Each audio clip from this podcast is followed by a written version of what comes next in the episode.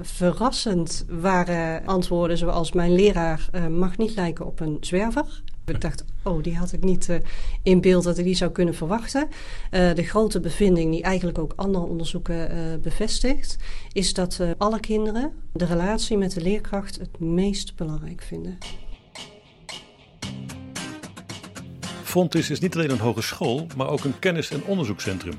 Op deze vier domeinen: educatie, economie, mensenmaatschappij en techniek. Zo'n 40 lectoren geven binnen Fontis richting aan het onderzoek dat op deze gebieden plaatsvindt. In deze serie podcast spreek ik met hen over hun onderzoek en hun gedrevenheid, maar ook over waar de innovaties die eruit voortkomen zichtbaar zijn in ons leven.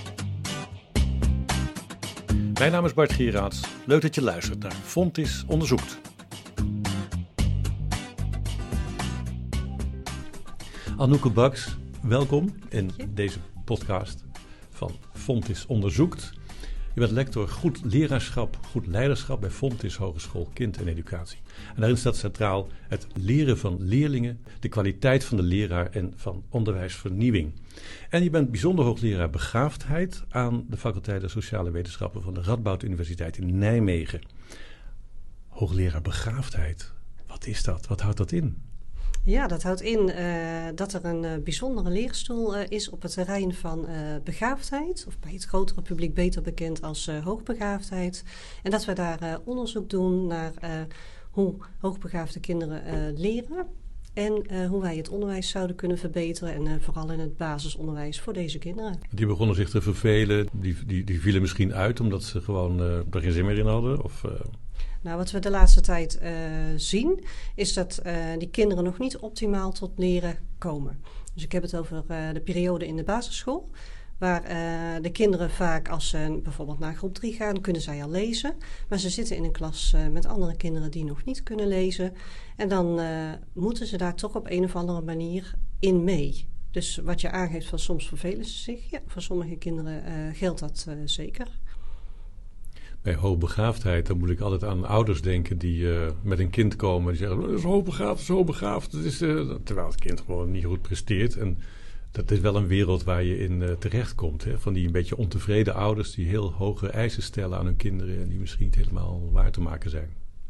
Nou, dat is misschien iets wat ik meteen mag ontkrachten. Want het is niet zo dat ouders, juist ouders van kinderen met echt de kenmerken van begaafdheid, dat die uh, naar school gaan om uh, te klagen of te mopperen of zich op de voorgrond stellen. in de praktijk zien we dat juist wat minder.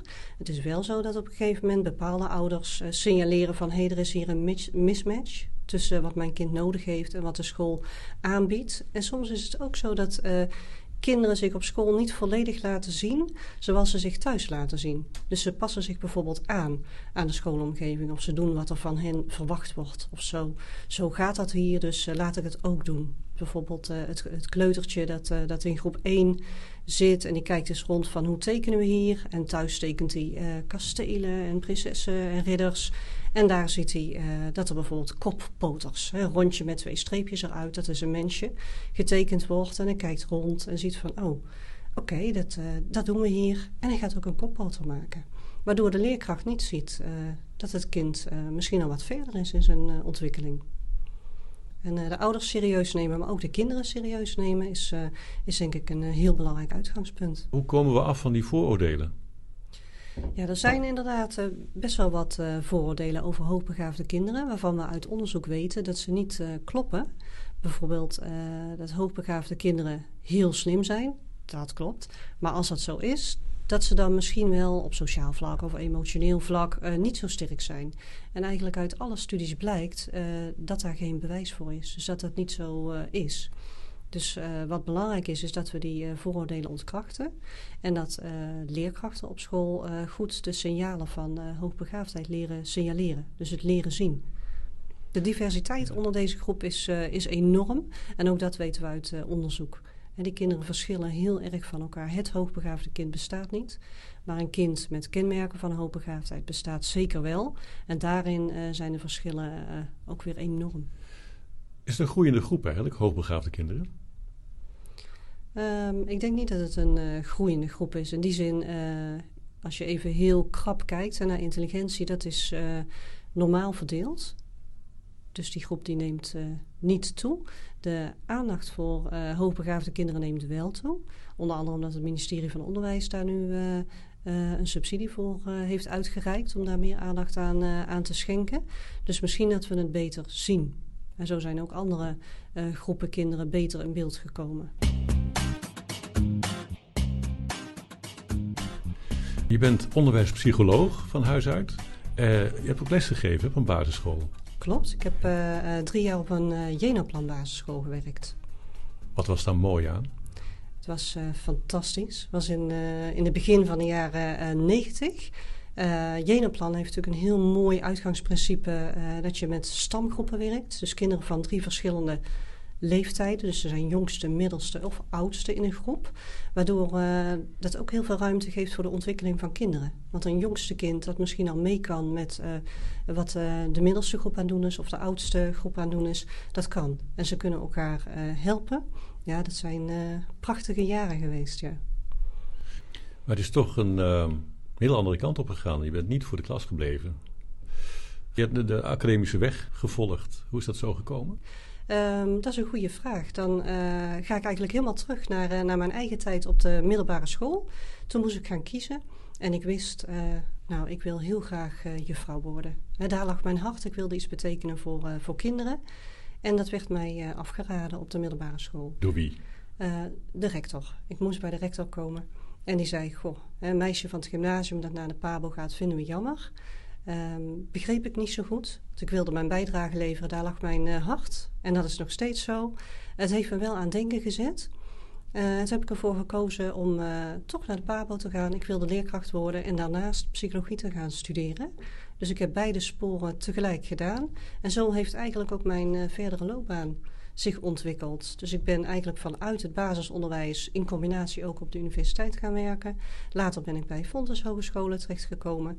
En nu als uh, lector en hoogleraar uh, kan ik weer die beide perspectieven met elkaar verbinden. Dus de praktijk en de wetenschap.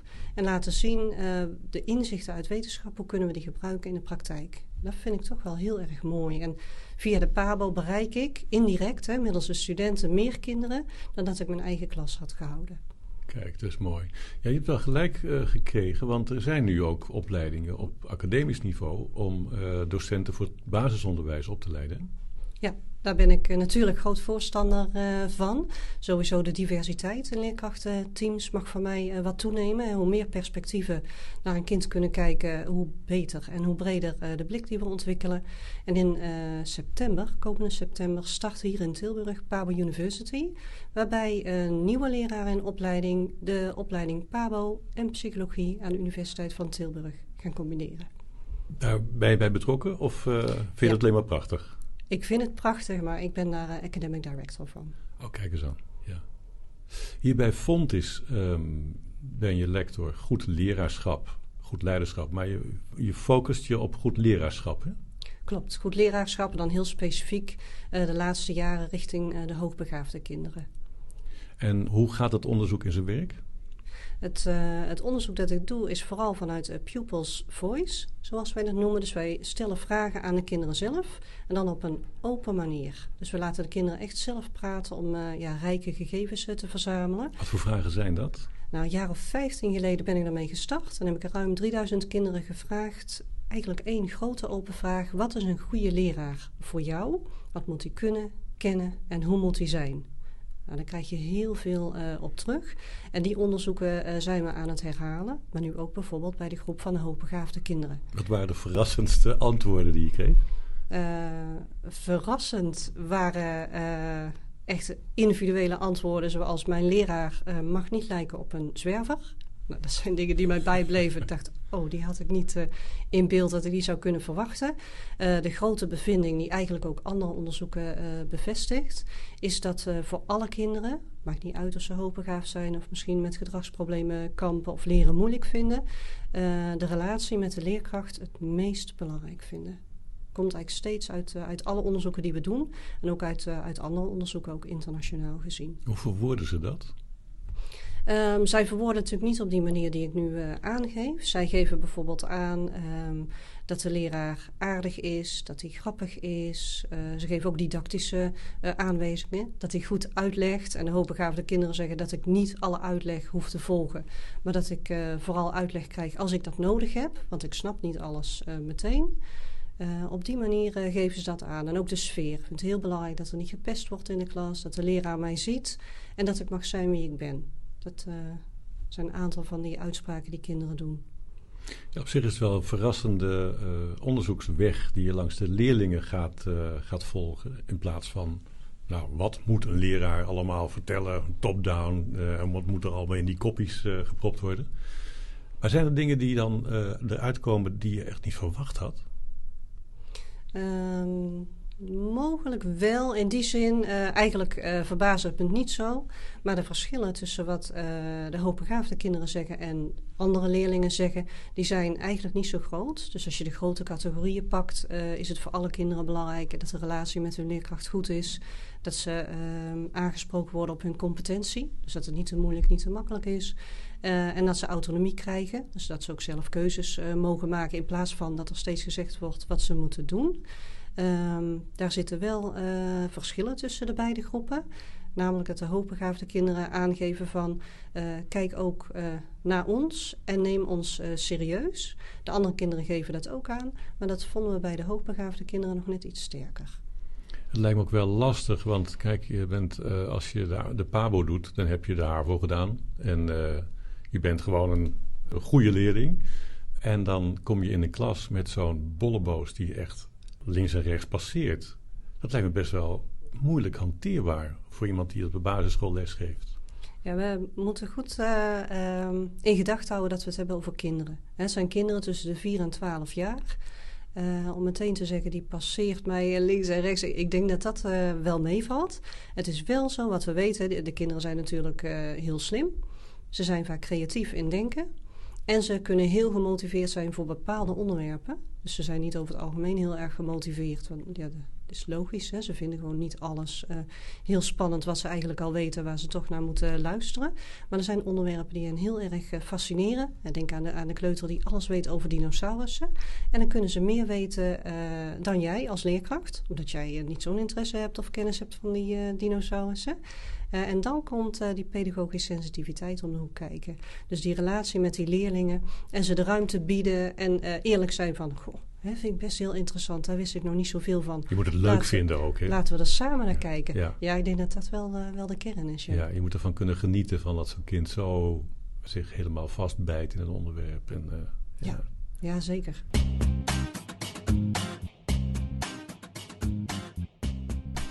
De kwaliteit van de leraar, dat staat ook hoog in het vaandel uh, hier bij de opleiding Fontis. Uh, hoe je daaraan kan werken. wat voor onderzoek doen jullie erin? In het verhogen van de kwaliteit van de leraren die hier opgeleid worden? Bij het uh, onderzoek naar uh, de kwaliteit van de leraar werk ik nauw samen met mijn lectorcollega Anje Ros. En daar kijken we bijvoorbeeld naar de onderzoekende houding van leerkrachten en de onderzoekscultuur binnen scholen. Want we zien als uh, leerkrachten meer werken vanuit een onderzoekende houding. Dus bij een vraagstuk eens nagaan van hé, hey, wat is hier al over bekend? hoe doen andere scholen dat? Hoe kan ik mijn aanpak op bepaalde punten verstevigen? Dat dat bijdraagt aan de kwaliteit van het onderwijs. En hoe gaat het in de praktijk dan in zijn werk? Dan gaat een leraar gewoon naar een andere school toe en vraagt aan een uh, team van uh, hoe pakken jullie dat hier aan? Nou, dat zou uh, kunnen. wat we meer zien is dat leerkrachten in, ze werken sowieso al in schoolteams. Uh, dat ze vragen inbrengen in uh, schoolteams en kijken wat is er binnen mijn eigen team bekend, maar ook dat ze literatuur induiken. En dat kan wetenschappelijke literatuur uh, zijn, dat kan vakliteratuur zijn. Er wordt heel veel gebruik gemaakt van, van scholing, van workshops, van noem maar op. En we hebben natuurlijk ehm, de onderzoekswerkplaats die ik net noemde. Onze onderzoekswerkplaats gaat over uh, hoogbegaafdheid, maar er zijn meerdere onderzoekswerkplaatsen.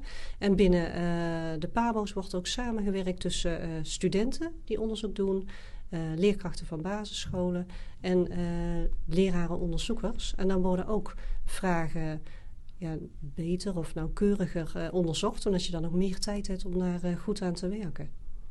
Ja, het is een vrij cognitieve benadering. Hè? Van je gaat je in een onderwerp uh, inlezen of je gaat je daarin oriënteren.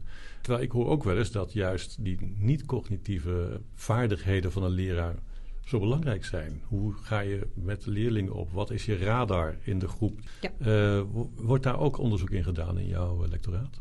Ja, binnen ons uh, lectoraat hebben we ook het thema pedagogische sensitiviteit, waar ik net naar verwees, geïntroduceerd door Max van Manen. En dat is best een moeilijk concept, want het gaat er eigenlijk van uit van je moet elke leerling kunnen zien in hoe die is en wat hij nodig heeft en het goede doen voor de leerling op dat moment in die context en ook in de ogen van de leerling. Nou, daar hebben wij uh, zelf inderdaad ook onderzoek naar gedaan en ook of je dat uh, zou kunnen trainen of ontwikkelen bij leraren in, in opleiding. En het voorzichtige antwoord op die vraag is ja, dat kan. En je kunt beginnen met, uh, met bewustwording en je kunt met elkaar kijken van wat is dan uh, belangrijk. Maar ik ben het met je eens dat die, uh, de zachte kant van het leraarschap en het pedagogisch klimaat is minstens even belangrijk als de inhoudelijke kwaliteit van de leraar. Er wordt zoveel gevraagd, ook binnen de maatschappij, van als het op straat slecht gaat met, met jeugd die zich misdraagt, moet, de school moet dan ingrijpen. je hebt het met programmeren, codes schrijven, moet je ook leren op school. Uh, je moet burger worden op school. Je moet alles, alles moet maar op die school gebeuren. Dat, dat vergt best wat van die leraren en van de leerlingen. Zeker, ja, dat is ook zo. Die ontwikkeling zie ik ook. Ik zie ook dat er steeds meer op het bord van uh, de leraar komt. Overigens ook in het uh, voortgezet onderwijs, niet alleen in het basisonderwijs. En uh, het is ook zo dat het uh, beroep van leraar, misschien wordt het wel onderschat. Het is heel erg complex. Er komt heel veel bij kijken. En uh, denk ook bijvoorbeeld aan ontwikkelingspsychologie. hoe ontwikkelen kinderen zich doorgaans en wat is dan mogelijk afwijkend en wat is standaard en wat kan ik verwachten. Naast al die thema's waarbij ook snel voortaan naar het onderwijs gekeken wordt. Wat is een van de dingen die je hebt geleerd toen je zelf voor de klas stond, die je nu gebruikt in het onderzoek? Uh, toen ik startte uh, was ik zelf heel erg cognitief ingestoken. Dus ik dacht, uh, ik zal een goede juf zijn als mijn kinderen heel goed uh, scoren op taal en op rekenen. Dat deden ze, maar het was ook een, een school waar de scores al hoog waren. En ik heb uh, geleerd dat het natuurlijk belangrijk is. Leerkrachten leren kinderen de basisvaardigheden aan. Maar dat het belangrijker is om de kinderen uh, te zien voor wie ze zijn. En dat werd bij mij eigenlijk benadrukt toen mijn eigen kinderen naar school gingen. Dat ik dacht van wat vind ik nou zo belangrijk aan, aan de leerkracht? Ja, dat mijn kind zichzelf kan zijn en zich fijn voelt in de klas. En dat laatste heb ik dus zelf geleerd toen ik voor de klas stond. Van dat klimaat, pedagogisch klimaat, is eigenlijk een voorwaarde om, uh, om te kunnen leren. Maar ze zeggen ook wel eens eerst relatie, dan prestatie. Ik geloof daar wel in.